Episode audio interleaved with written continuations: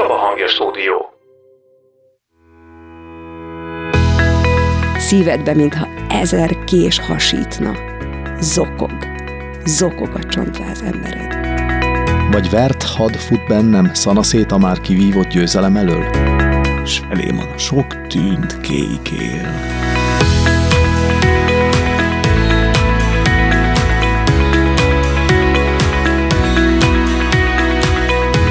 Elkezdődött az érettségi időszak, így együtt érezve a most vizsgázó és vizsgákra készülő diákokkal, irodalmi irányba fordulunk és kedvenc verseinkről beszélgetünk ma hárman szolgatársak. Nagy Zoltán Esperes Békés Csabáról, Mezőberényből Lázár és Korka Katalin Esperes helyettes, és jó magam Zsíros András korábbi gerendási lelkész. Ez az Erősvár Podcast.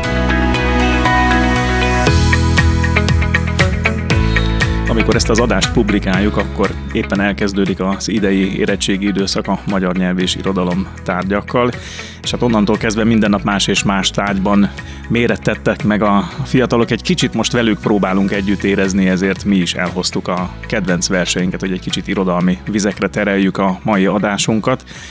És Hát most annyira nem a, az egyházias igei tartalom lesz elsősorban a fókuszban, bár azért a verseken keresztül ebbe a világba is átnyúlhatunk, illetve nyilván rengeteg kapcsolat van a művészet és a vallás között. De most elsősorban a, az irodalmi művészeti alkotásokat hoztuk el a hallgatóinknak, ami számunkra kedves, és erről fogunk ma beszélgetni. Kati, te különösen sok anyaggal készültél a mai adásra, igaz? Az azt jelenti, hogy nehéz volt választani kedvenc verset? Pontosan ezt szerettem volna mondani, hogy úgy vezettet föl, hogy elhoztuk a kedvenc versünket, és amikor már készültünk erre az adásra, akkor én már akkor éreztem, hogy, hogy én itt nem fogok tudni egyet kiragadni, hiszen én nagyon szeretem a verseket, és alkalomtól függően, vagy éppen a saját lelki állapotomtól függően tudom azt mondani, hogy most ez nekem nagyon jól esik. Sok verset olvasok, és számos verses kötetet kaptam éppen ezért már ajándékba is. Változó, hogy, hogy melyik az a költő, aki aki abban az adott helyzetben nekem sokat mond, vagy akivel én együtt tudok rezdülni, aki azt fejezi ki, ami éppen akkor bennem van. Ez életkortól is függ? Van, vagy van olyan, aki végig kísért egész életedben eddig, eddig életedben? Én azt gondolom, hogy ez életkortól is függ. Nyilvánvalóan, hogy gyermekkorunkban Vörös Sándor kedves gyermekverseit megtanultuk, és, és ezek ott maradtak a gondolatainkban, vagy a, vagy a kötelező versek, és ott vannak, amiket meg kellett tanuljunk, és, és akkor kezdődött el a közös történetünk egy adott költeménnyel. Viszont a későbbi időben, amikor akár a gyermekeink ezeket tanulják, akkor mi ezeket felelevenítjük, vagy amikor halljuk a, az óvodásokat, ezeket a, a bájos kis rigmusokat elmondani, akkor, akkor megint elénk jönnek. Tehát életkortól is függ, hogy mikor tanuljuk, és életkortól is függ, hogy hogyan értékeljük ezeket. Volt halász Judit Bakerit lebezetek? Nem. Nem? Oh. Neked az volt a favorit? Meg Vitai Ildikó, most nem tudom, hogy őről azóta se hallottam, nem tudom, hogy kicsoda, de tudom, hogy volt egy ilyen lemezünk, hogy yeah. igen, Vit, Vita Ildikó, ami mese, meg, megvan egyébként Youtube-on, Mesebeli Madár címmel, ez a lemez. Ez most a megzenésített költemények igen, kapcsán jutott igen, eszembe? Igen, igen, igen, igen. Igen. Szóval meg, meg nyilván Petőfi Sándornak a, a 200, születésének 200 éves jubileumát ünnepeljük, egész esztendőben újra és újra hallunk olyan verseket, akár a, a rádió csatornákon, amelyeket még, még nem olvastunk.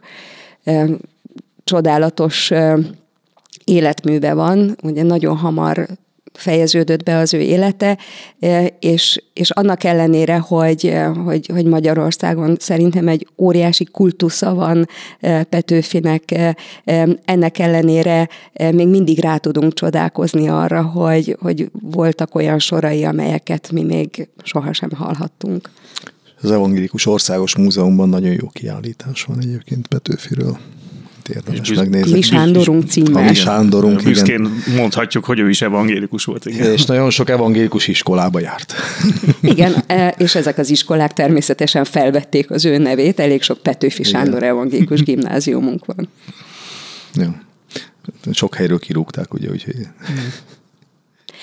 Visszatérve Vörös Sándorra, ő is evangélikus volt, és felnőtt koromban csodálkoztam arra rá, vagy, vagy döbbentem arra rá, inkább ezt mondom, hogy, hogy neki nem csak ezek a bájos versei vannak, a émélből fölzengő, csinglingling, száncsengő, szerintem ez így tényleg így cseng a fülünkben, vagy a Bóbita, Bóbita amit Halász Judit hangján ismerhettünk meg, hanem vannak nagyon komoly az ő Isten hitéről tanúskodó sorai is, és és éppen ezért, András, amit kérdeztél, hogy mennyire életkor függő egy-egy versnek, vagy egy-egy szerzőnek a megítélése, szerintem ez átalakul. Átalakulhat, hogy ugyanazt a valakit gyermekként így láttam, és most már az ő komolyabb műveit is képes vagyok megérteni.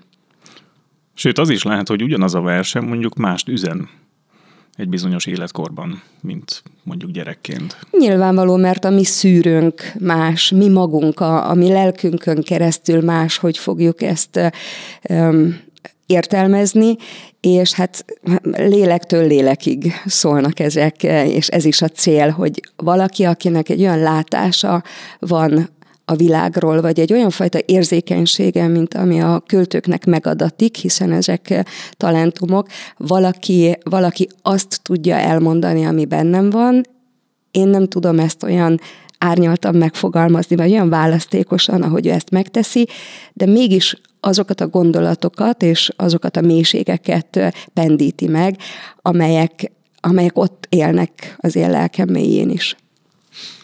Vörös Sándornak egyébként van egy éneke az énekeskönyvünkben is. Ritkán énekeljük, mert Súlyok Imre írt rá e, dallamot, ami nem egy könnyen énekelhető dallam, de meg hát nem is esküvői ének, mert ugye azzal kezdjük, hogy kínok árnyékaiból, kínok árnyékaiból szólok hozzád, Istenem, tehát inkább egy ilyen bűnbánati jellegű versnek a megzenésítése, e, de érdemes elolvasni, meg énekelni. Isten tiszteleten tényleg ritkán szoktuk elővenni nehezen énekelhető dallam, és, és inkább bűnbánati szöveg.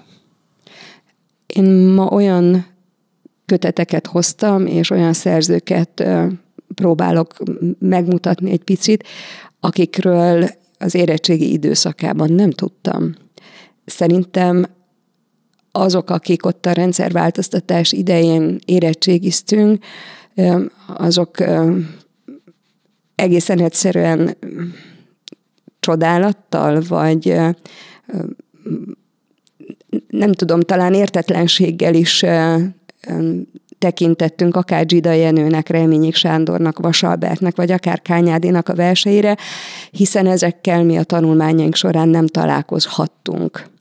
És aztán, amikor először hallottam én is mondjuk Reményik verset, vagy amikor először találkoztam Vasalbert nevével, akkor, akkor megdöbbentem, hogy ezek mennyivel, mennyivel inkább az enyémek, mint mondjuk egy adivers. Sokkal inkább azt tudja, vagy azt fejezik ki, ami, ami nekem természetes, és én valószínű, hogy ezért is szerettem meg őket, és ezért is eh, kezdtem el e-, egymás után falni ezeket a köteteket, mert hogy akkora kontrasztban állt azzal, amit én az iskolás tanulmányok idején megtapasztaltam a kötelező irodalmakból, a válogatott szemelvényekből, és ami itt találkoztam, e, e, ez, ez sokkal inkább az enyém, mint nem tudom, Kosztolányi akár. Tudsz is felolvasni valamit, ami annak idején olyan nagy hatással volt rád? Nem tudom megmondani, mi volt a legelső.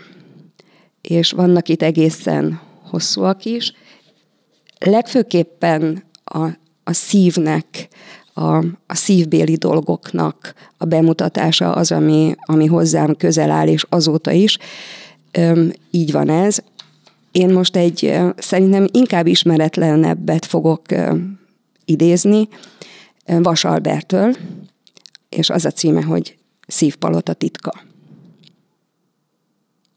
Minden szívnek van egy csodakertje, a kert közepében van egy palota, és minden palotában egy fekete szoba. A fekete szobában csontváz emberül, sötéten, egyedül. Néha a palota zsivajába, s a tavaszodba belehegedül. Olyankor ősz lesz, vágyak, álmok ősze. Halkan peregnek, mint a levelek. Szívedbe, mintha ezer kés hasítna. Zokog, zokog a csontváz embered. Idegen szemektől kacagással véded, jaj, csak meg ne lássák, drágább, mint a kincs. Mások palotáit irigykedve nézed, neki nincs. Neki nincs. Pedig minden szívnek van egy csodakertje, és minden csodakertben van egy palota. És bent, elrejtve mélyen valahol, valahol, minden palotában egy fekete szoba.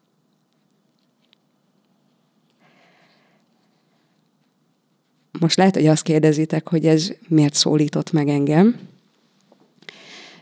Szól arról, ami a mi hitünknek is üzenete, vagy amit a mi hitünkben is tényként tudunk mondani, hogy az ember szíve mélyén ott suttog a bűn.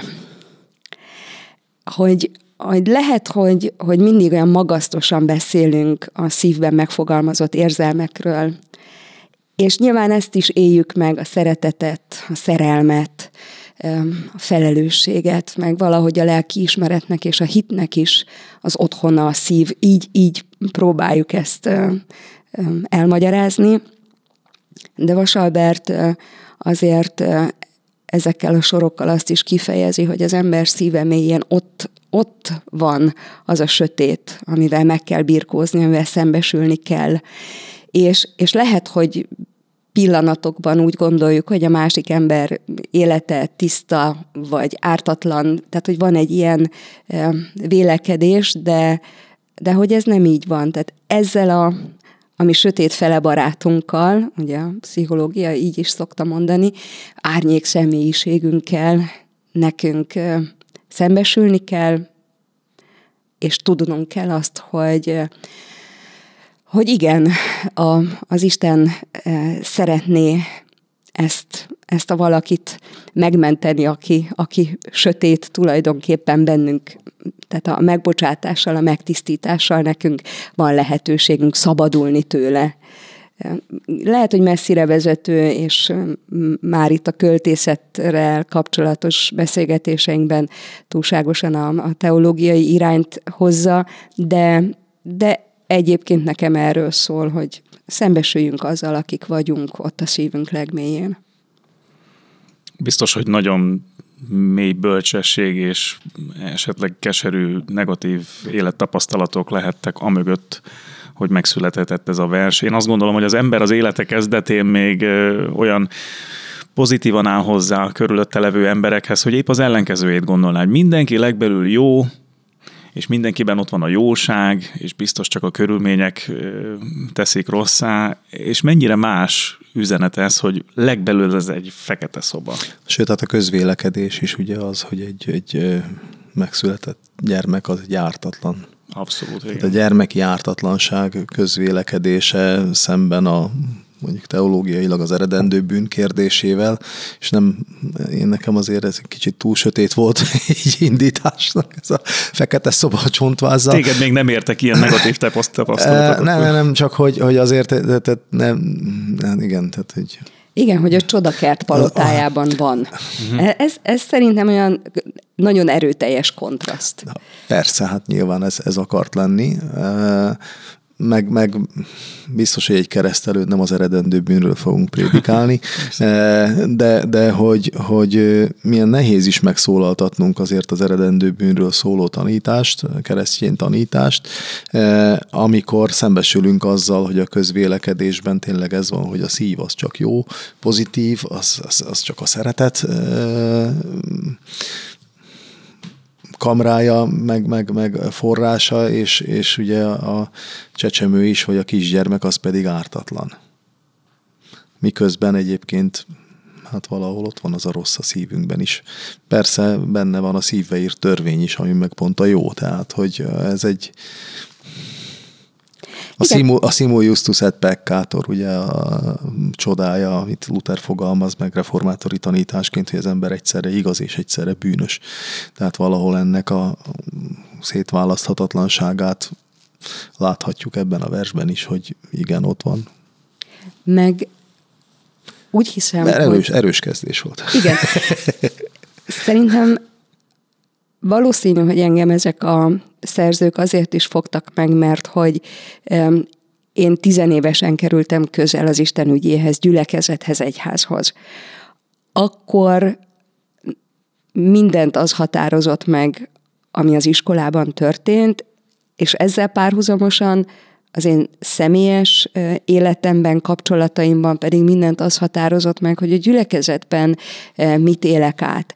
És az érettségig minden a tudásról szólt, és akkor hirtelen elindult egy párhuzamos szál azzal, hogy ki vagyok én? Tehát természetes, hogy tizenévesen az ember önmagát keresi, a személyiség fejlődésének a, a, a legérzékenyebb és legképlékenyebb időszakában van ilyenkor az ember, és akkor találtam rá az istenes versekre, hogy ja, vannak ilyen szép dolgok, vannak ilyen szép költemények, amelyek azt fejezik ki, ami számomra is kedves, vagy amit én most már elválaszthatatlannak tartok attól, ahogyan én a világot szemlélem.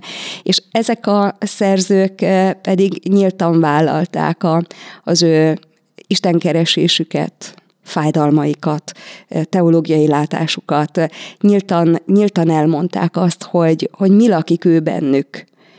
És valószínű, hogy, hogy ezért is annyira fontos nekem, és én megvallom őszintén, hogy akár egy esketésre, akár egy temetésre gyakran választok tőlük sorokat. Nem ezt. Volt már egyébként, hogy Esküvőn. aztán nyilván nem esküvő, hanem temetésen.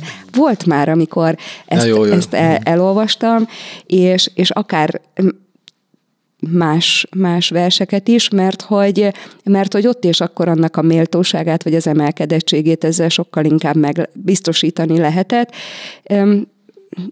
Nekem ők most így a, a, a, a kedvesebbek. És tudsz mondani olyan istenes verset, ami ilyen megszólító, vagy akár gondolkodás befolyásoló, életfordító hatással volt rád? Nem. Most lehet, hogy ezen csodálkozol, mert hogy én már az én életfordulásomon túl voltam, amikor ezekkel a versekkel behatóban kezdtem el foglalkozni. Aha. Zoli, neked? Nekem semmilyen életfordító versélményem van, inkább ami így elsőre eszembe jut mindig, és ez nem a nagy irodalmároknak a hogy valamelyik nagy irodalmárnak és magyar irodalomból gyönyörű példákat lehetne kiragadni. Nekem nem ez jut eszembe először, hanem, hanem, hanem egy kicsit Katinak ezzel a kérdésével tovább foglalkozva, hogy ki vagyok én. Ugye nekem ez a, ez a cím jut eszembe először, és, és ez Dietrich Bonhoeffernek a költeménye, aki, aki egy német teológus volt. Hát röviden annyit az ő életéről, hogy ő 1939-ben évben a New Yorki teológiára nagyon fiatalon kapott meghívást, hogy ott tanítson. Ki is utazott New Yorkba, majd amikor elkezdődött a második világháború, akkor visszajött Németországba, és azt vallotta, hogy ha a helyreállításban majd utána részt akar venni, akkor neki itt kell lennie akkor is, amikor a pusztítás történik.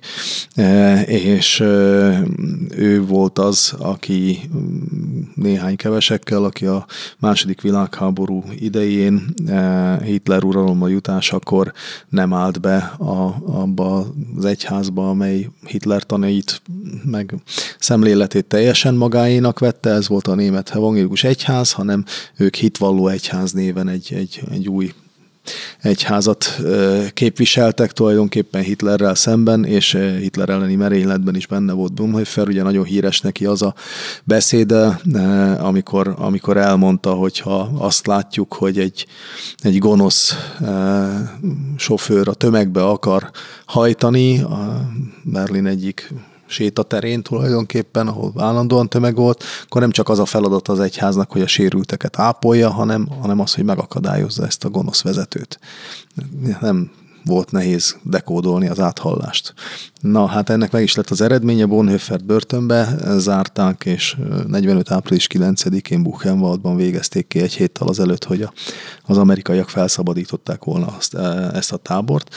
És a börtönlevelek címmel kiadták Bonhoeffernek a a műveit, a, a, abban a könyvben szerepel a, ez a vers is, ezzel a címmel, hogy ki vagyok én. Ki vagyok én? Gyakran mondják, cellámból úgy lépek elő derűsen, nyugodtan, keményen, mint várából a földesúr. Ki vagyok én? Gyakran mondják, őreimmel úgy beszélek, szabadon, tisztán, kedvesen, mintha parancsnokuk volnék. Ki vagyok én? Azt is mondják, sorsomat úgy viselem, mosolyjal, nyugodtan, büszkén, mint aki váltig győzni szokott. Az vagyok valóban, aminek mondanak?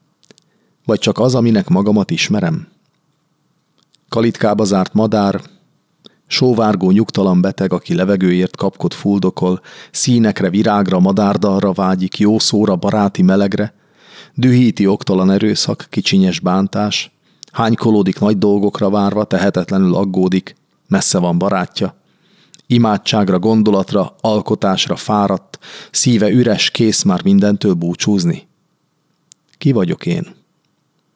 Ez vagy az? Hol ez? Hol amaz? Egyszerre mint kettő? Másokat ámító, magában sápító hitvány alak? Vagy vert had fut bennem szanaszét a már kivívott győzelem elől? Ki vagyok én? Váltik, faggat, gúnyol a magány, a gyötrelem. Bárki vagyok, te tudod, ismersz, tiéd vagyok én, Istenem. És ami ebben a versben megfogott, az az, hogy nyilván az ember sokszor szembesül azzal, hogy én egészen mást érzek, eh, meg egészen más indítatással mondok dolgokat, mint ahogy azt mások értelmezik, vagy, vagy máshogyan élem az életemet, mint ahogyan azt mások értelmezik.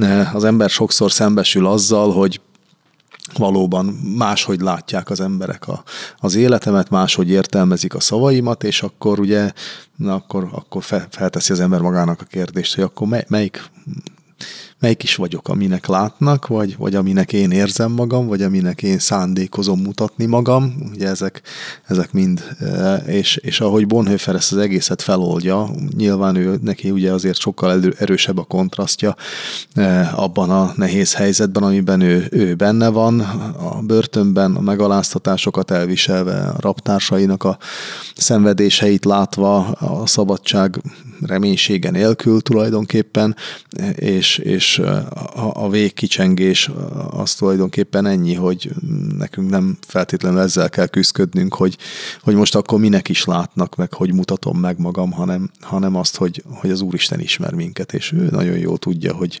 milyen vagyok, nagyon jól tudja, hogy ki vagyok, és nagyon jól tudja, hogy, hogy mik a szándékaim. Most rákerestem erre a versre, és hát ha ti magatok is rákerestek majd erre a versre, akkor képzeljétek el, hogy a Google-ban másodikként fogja kiadni az én személyes blogomat. Oh. Na, hát tessék. és ez... És elfelejtettem megjelölni. nem is ez a helyzet, hanem most, eh, ahogy felolvastad a költeményt, két dolog eh, motoszkált bennem. Először is az, hogy 2012. novemberében, amikor én ezt a verset megosztottam, akkor vajon milyen e, szituációban lehettem, hogy számomra ott és akkor volt nagyon aktuális. A másik pedig, ami sokkal érdekesebb ennél szerintem, hogy idegen nyelvű szerzők műveit kik tudják ilyen gyönyörűen adaptálni. Gyönyörűen fordítani, inkább így helyes. Nem tudom, hogy neked megvan-e a fordítója ennek a, a költeménynek. Én nem írtam ide. A könyvben valószínűleg megvan, de nem néztem ja, meg én sem most. 2016-ban adták ki magyar nyelven, a harmad kiadónál találjuk meg. Nem néztem utána, viszont ha most azon gondolkodom, hogy akár más szerzők, külföldi szerzők művei elénk kerülnek, mennyire nagy dolog annak a képessége, hogy valaki visszaadja a, a szerző szófordulatait, a, a, a szófordulatok mögötti érzületet egy másik nyelven. Gabriel Garcia Márquez-t nagyon szeretem, és Székács Vera gyönyörűen fordította az ő műveit. Amilyen képeket használ, és ahogyan választékosan ezt megjeleníti magyar nyelven, mögötte ott dobog egyébként Gabriel, Gabriel Garcia Márqueznek a szíve, a, a gondolatvilága. Nagyon-nagyon egymásra hangoltnak kell lenni szerintem egy, egy szerzőnek, és, és a fordítónak ahhoz, hogy ténylegesen az jöjjön át. És én itt is ezt érzem, hogy, hogy az eredetit olyan szépen tudta valaki számunkra átnyújtani, és, és tényleg, tényleg a legmélyebb kérdéseinket és a legmélyebb érzületünket pendíti meg ugyanaz, ugyanaz a válaszadásra késztetés van benne. Hogy szóval ez egy jó fordítás, Kati? Szerintem jó. Mert nálad itt van az eredeti, csak azért. Szerintem nagyon szép. Erre hoztam én is egy példát, mert az én kedvenc versem az egy francia költőtől származik, Paul Verlennek a őszi sanzonja. Hát ezt középiskolás koromban, amikor erről tanultunk, akkor ez így megfogott, és azóta nem ereszt. És hát franciául nem tudok, úgyhogy az eredeti verset, bár így meghallgatom, a dallama, dallama megfog, de az, ahogyan Tóth Árpád átültette a magyar nyelvre, az valami fantasztikus. És ugye az ő szavaival szinte hallott, hogy ez egy francia vers, miközben gyönyörű szép magyar szavakat hallasz egymás után. Ősz húrja zsong, jajong, busong a tájon, s ont monoton bút konokon és fájon. És én csüggetek, halvány, beteg, még éjfél kong csak sírok, s felém a sok tűnt kékél. Ó, múlni már, ősz, hullni már, eresszél, mint holt avart, mint felkavart a rossz szél. Ami gyönyörű.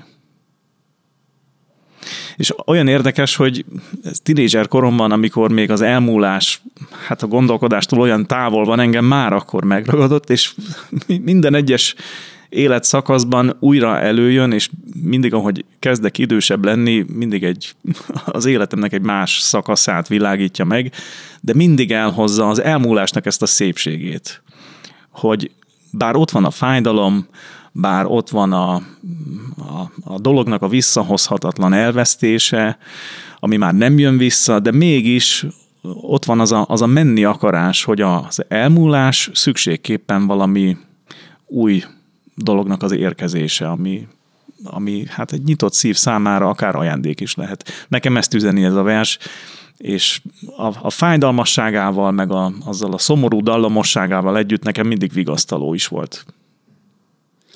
Ha fájdalomról és vigasztalásról van szó, akkor ismét az erdélyi költők felé fordulok, tehát ők többek között számomra ezért is kedvesek, mert hogy azért a, a magyar nemzet életében Erdélynek a különállósága azért újra és újra ilyen fájdalmas gondolatokhoz vezet.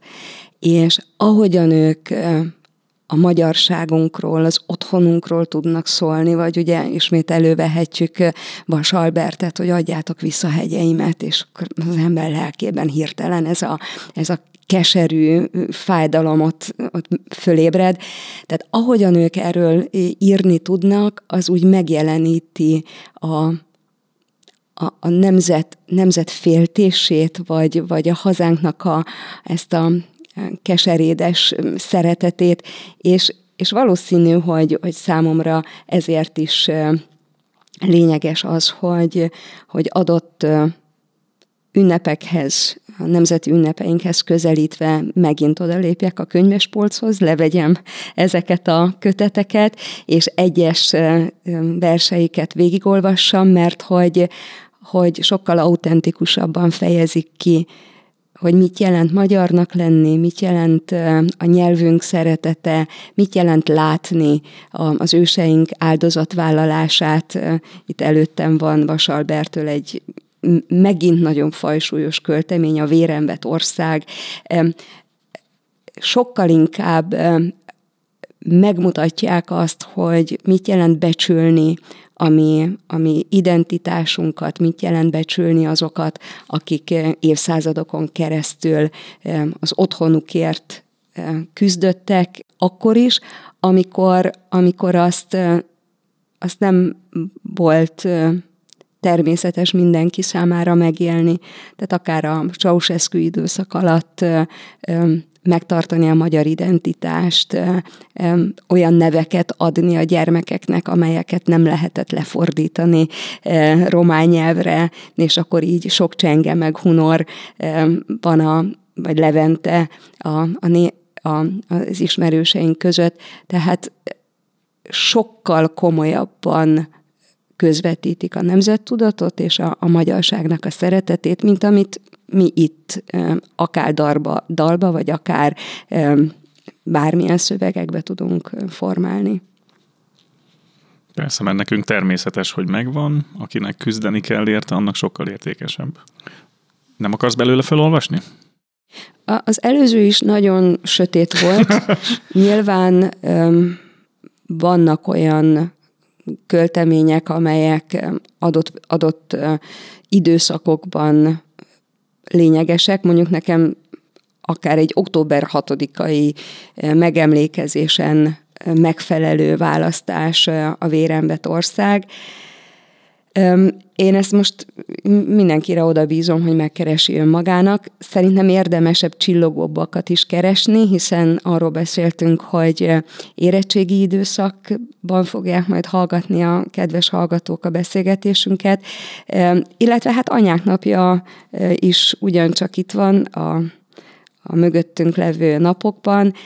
Számos kedves, bájos költeményt mondanak a, a gyermekek az osztályokban, az óvodában elővesznek. Donászi Magda verse. Igen, vagy, vagy hogyha már ugye én Gida Jenőt hoztam, akkor ugye a Hálaadás című vers, köszönöm Istenem az édesanyámat, amíg ő véd engem, nem ér semmi bánat körülvesz virrasztó, áldó szeretettel, értem éjjel-nappal dolgozni nem restel.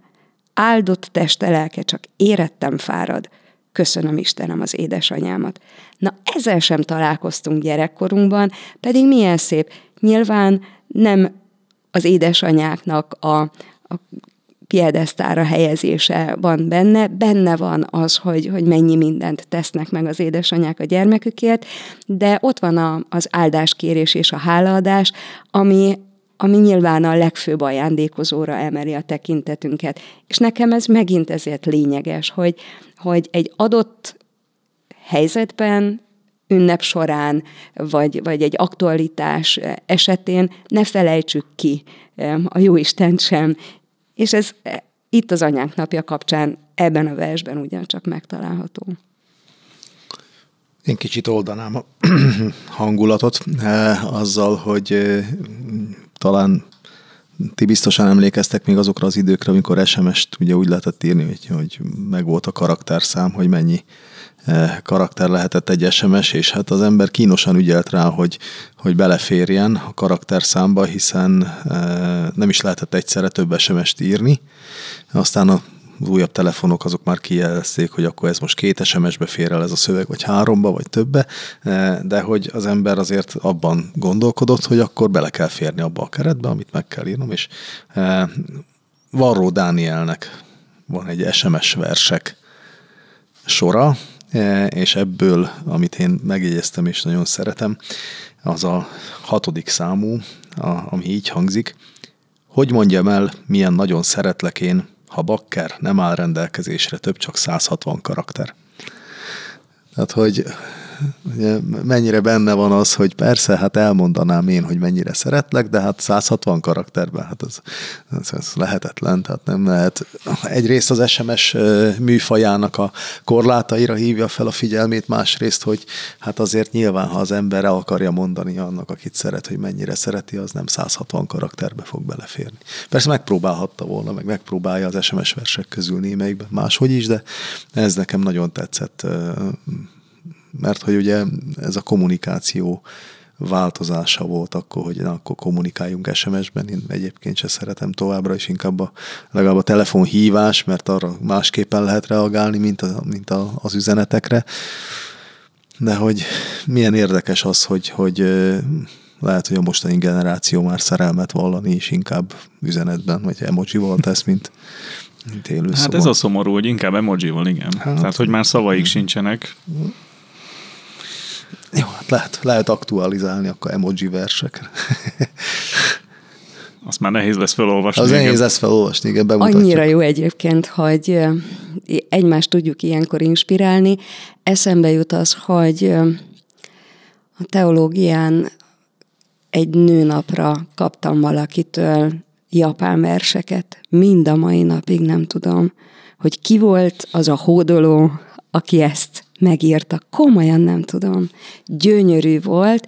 Lehet, hogyha picit most utána járnék, és ilyen oknyomozó módon Szeretnéd, elkezdeném... hogy kiderítsük, Kati. Igen, elkezdeném kideríteni, hogy ki az, a, az akkor teológus fiatal emberek közül, aki szereti a japán költészetet, akkor lehet, hogy rövid úton meg is találnánk, hogy, hogy kiküldött nekem ilyen szép, szép verseket. Egyébként ugye a a haikunak az a jellegzetessége ennek a rendkívül szigorú, alakilag kötött japán költeménynek, hogy szinte, szinte képtelenség más nyelvre átültetni. De, de valami, valami gyönyörű írás volt, először is ez van előttem, hogy, hogy nagyon szépen írt valaki, és nagyon-nagyon csodás dolgokat. Én meg szerintem egy ilyen nagyon rezzenéstelenül reagáló egyén voltam akkor, és nem tudtam ezzel mit kezdeni. Tehát, hogy nyilván egyszer csak valaki oda pottyantja az asztalodra azt a, azt a levelet, amiben ilyen gyönyörűségek vannak, és, és mivel titkos a hódoló, nem tudsz rá normálisan reagálni, nem tudod, hogy, hogy kinek kellene megköszönjed, vagy lehet, hogy nem voltam annyira nyitott szemű vagy nyitott szívű, hogy, hogy, hogy észrevegyem aztán a, a valóságos emberi találkozásokban, hogy hát ez az egyén azért küldte már rendesen a jeleket, csak hát nekem nem volt még erre szemem. Szóval, hogy ez még egy, egy kedves, kedves történet, igen. Ennyit a versekről. És, és azt sem tudom már, hogy hogy mi lett a sorsa ennek a kis papírlapnak. Tehát, hogy e- ennyire, ennyire ostoba voltam szerintem akkoriban, hogy, hogy nem tudtam, hogy ezt hogy kell normálisan lereagálni. Tömörségre visszatérve, ez igaz, igaz, hogy ez nem vers, de Ernst Hemingway bebizonyította, hogy nagyon röviden is el lehet mesélni nagyon sok mindent. Ezt a sztorit biztos ismeritek, hogy volt egy fogadás, amit megnyert azzal, hogy el tudja mondani a világ legszomorúbb történetét hat szóban. Hm. És a hat szó az volt, mondjuk magyar fordításban nem hat szó, de az volt a, a eredetileg hat szó, hogy uh, for sale baby shoes never worn, azaz hmm. babacip, vagy kisbabacipő eladó sosem hordták.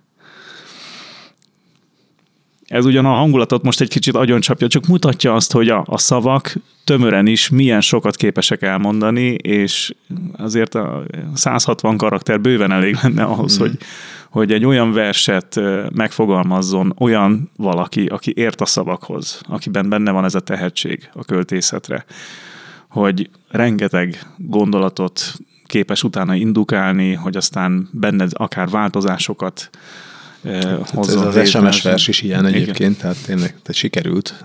Ez uh-huh. nyilván. A válogatásunk és és a mára hozott szemelvények azért arról tanúskodnak, hogy amikor olyan nagyon boldogak vagyunk, hogy madarat lehet velünk fogatni, akkor nem feltétlenül rohanunk oda a könyvespolchoz, vagy nem feltétlenül keressük másoknak a gondolatait, mert hogy, mert hogy akkor így szárnyalunk, vagy szökkelünk, vagy ne, nem, nem is tudom. Tehát akkor, akkor úgy jó lenni. És, és amikor viszont az ember nagyon nagy fájdalmakat él meg, vagy, vagy akár tanástalan, és, és nehezen tudja ezt megélni, akkor valószínű, hogy keres valakit, akivel osztozni tud a fájdalmában, vagy, vagy ebben a, a sötét pillanatban um, jól esik akár egy ilyen társra találni, és akkor ott van az, hogy, hogy rátalálunk, vagy ránk találnak ezek a sorok. Nekem, nekem erről is szól, amikor nekem nincsen szavam, csak könnyem, akkor jó látni, hogy, hogy valaki már azt a fájdalmat, vagy azt a, azt a hiányt már megénekelte, megfogalmazta. Egyébként én, miután itt ugye a jelenkoriakra is utaltatok, nyilvánvaló sokak nagy kedvencét fogom most idézni Lackfi Jánost. Zseniálisnak tartom, eh, ahogyan képes fogalmazni, akár prózában, akár versben, hexameterben, hitvallásként, jó étpuszi sorozatban, röviden, hosszan, tehát ténylegesen megérdemli az összes elismerést és díjat, mert, mert szerintem modern is, de, de kellőképpen mély is, intuitív is, de, de, de olyan is, aki tud, tud tanító lenni. Igen. Mond a verset. Ne, nem, tehát nem mondom a verset, mert rengeteg van megint, tehát e, nyilván hosszúak és, és, és különlegesek. Igazából lackfival nem lehet mellé nyúlni, tehát így nem, nem, belekapsz nem. bárhol, és akkor feldobja a napodat. Igen, például a, a, csak ennyi, ugye, amikor a pápára vártak a Kossuth téren, és már a, a Szent Mise előtt ott fölsorakoztak, Uram, gyere ki a térre, amit teremtettél. Küldök neked meghívót, meg karszallagot, akkor beengednek. Hagyd csak, már itt vagyok az idők kezdete óta. Titeket vártalak ez olyan laza, valóságos, és mégis benne van az, amit, amit az ő mm, hitéből abban a pici pillanatban szeretett volna megmutatni. De nekem mondjuk e, nyilván az ilyen kis szösszeneteknél sokkal jobban tetszenek azok, amikor elkezd valamit mondani Jézusról, és aztán a végén ennyivel lezárja, hogy ja nem, másként. És akkor mész-mész bele a, a gondolatmenetbe, és, és akkor azt látod, hogy hú, ez milyen különleges, és aztán végén, végén csavar rajta egyet. Vajon mit kezd egy angyal a szívvel és az aggyal? A létet magyarázza, míg el nem önt a hála. Lép szívet pitvarába, és teleharsonázza. Szoktatok harsonát hallgatni? Neked erről vannak emlékeim. Nekem is vannak. A hálószobánk és a próbahelyiség között csak egyetlen egy fal van, tehát én azért ott másfél-két órán keresztül szoktam hallani, hogy hogyan alakul egy mű. Hoztam még egyet. József Attila, két hexameter. Miért legyek én tisztességes? Kiterítenek úgy is. Miért ne legyek tisztességes? Kiterítenek úgy is. Hmm. És most belém villant, hogy tegnap biciklivel mentem haza, és az egyik kis utcában jött szembe egy autó, és játszik könnyedség, könnyedséggel dobta ki a fiatal hölgy az anyós ülésről a, a McDonald's-es üres poharat. Tehát ilyen teljes, teljes természetességgel és ez engem annyira fel tud háborítani, és pont egy ilyen e, kérdés, mint az utcai szemetelés, ahol ezt elő lehet hozni, mint erkölcsi alapelvet, hogy biztos, hogy sokkal nehezebb lenne nem kidobni és elvinni egy kukáig. Na látod, ez is milyen sok kérdést felvet két Abszolút, sor, 160 persze. karakterbe, ez is nem fér. igen, igen, de hogy, hogy mi a motivációja az embernek arra, hogy tisztességesen éljen. Mhm. És hogy ez, ez vagy, vagy, vagy az egyik embert ugyanaz a gondolat erre, a másikat meg arra indítja el, hogy hát most, ha úgy is kiterítenek, holnap úgy is világ, vége a világnak, akkor mit tegyek? Akkor bármit tehetek, mert most már nekem úgy is tök mindegy, meg mindenkinek, de hát pont, pont ezért. Van, ugye? aki neki áll akkor egy almafát ültetni. Hát klasszikus, igen. Mm. Luther példája az tényleg nagyon jó. Vagy, vagy tehát, hogy, hogy a motivációnkat miben találjuk meg. Vagy, vagy más oldalról megközelítve, hogy ugyanazt a motivációt tudjuk megtalálni, bármi is legyen a, a, a végkifejlet. És ez is nagyon fontos, hogy ha most azért csinálok valamit, mert látják, hogy azt csinálom, vagy, vagy azért csinálom, mert nem látják, ugye? Tehát, hogy vagy csak azért is. Nagyon jó egyébként beszélgetés indítónak is, akár fiatalokkal ez a, ez a kis versike, mert nem kell azért olyan nagyon elmélyedni, tehát még a rövid szöveges üzenetek tartalmát azt tartja, és, és azért lehet róla beszélgetni, tehát hogy mi, mi motivál abban, hogy kedves legyek a másik emberrel, mi motivál abban, hogy szeretettel forduljak oda a másikhoz, egy ismeretlenhez, aki a segítségemre szorul, a fele barátomhoz, úgyhogy szerintem ebben nagyon sok minden van ebben a, ebben Simán. a versben. Uram, miért kell mindenestül neked adnom az életem? És ha inkább megtartanám? Tenyerembe rajzoltalak, ott csíráztál ki szeretetemből. Így is, úgy is az enyém vagy. Viszont ha átadod magad, ezerszeresen adlak vissza igazi önmagadnak. Ez is egy szép, kétsoros lassfi.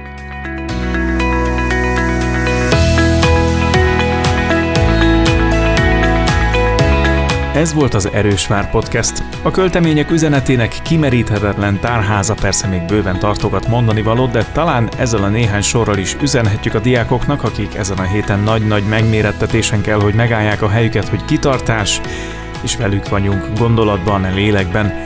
Mindenkinek sok sikert és jó vizsgázást kívánunk, és ne felejtsetek, ne felejtsenek el időnként elővenni egy-egy kedvenc költeményt, amelyek minden életszakaszban útmutatást, biztatást és vezérfonalat adnak számunkra.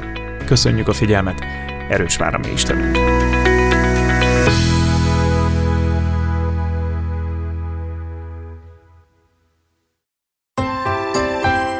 Stúdió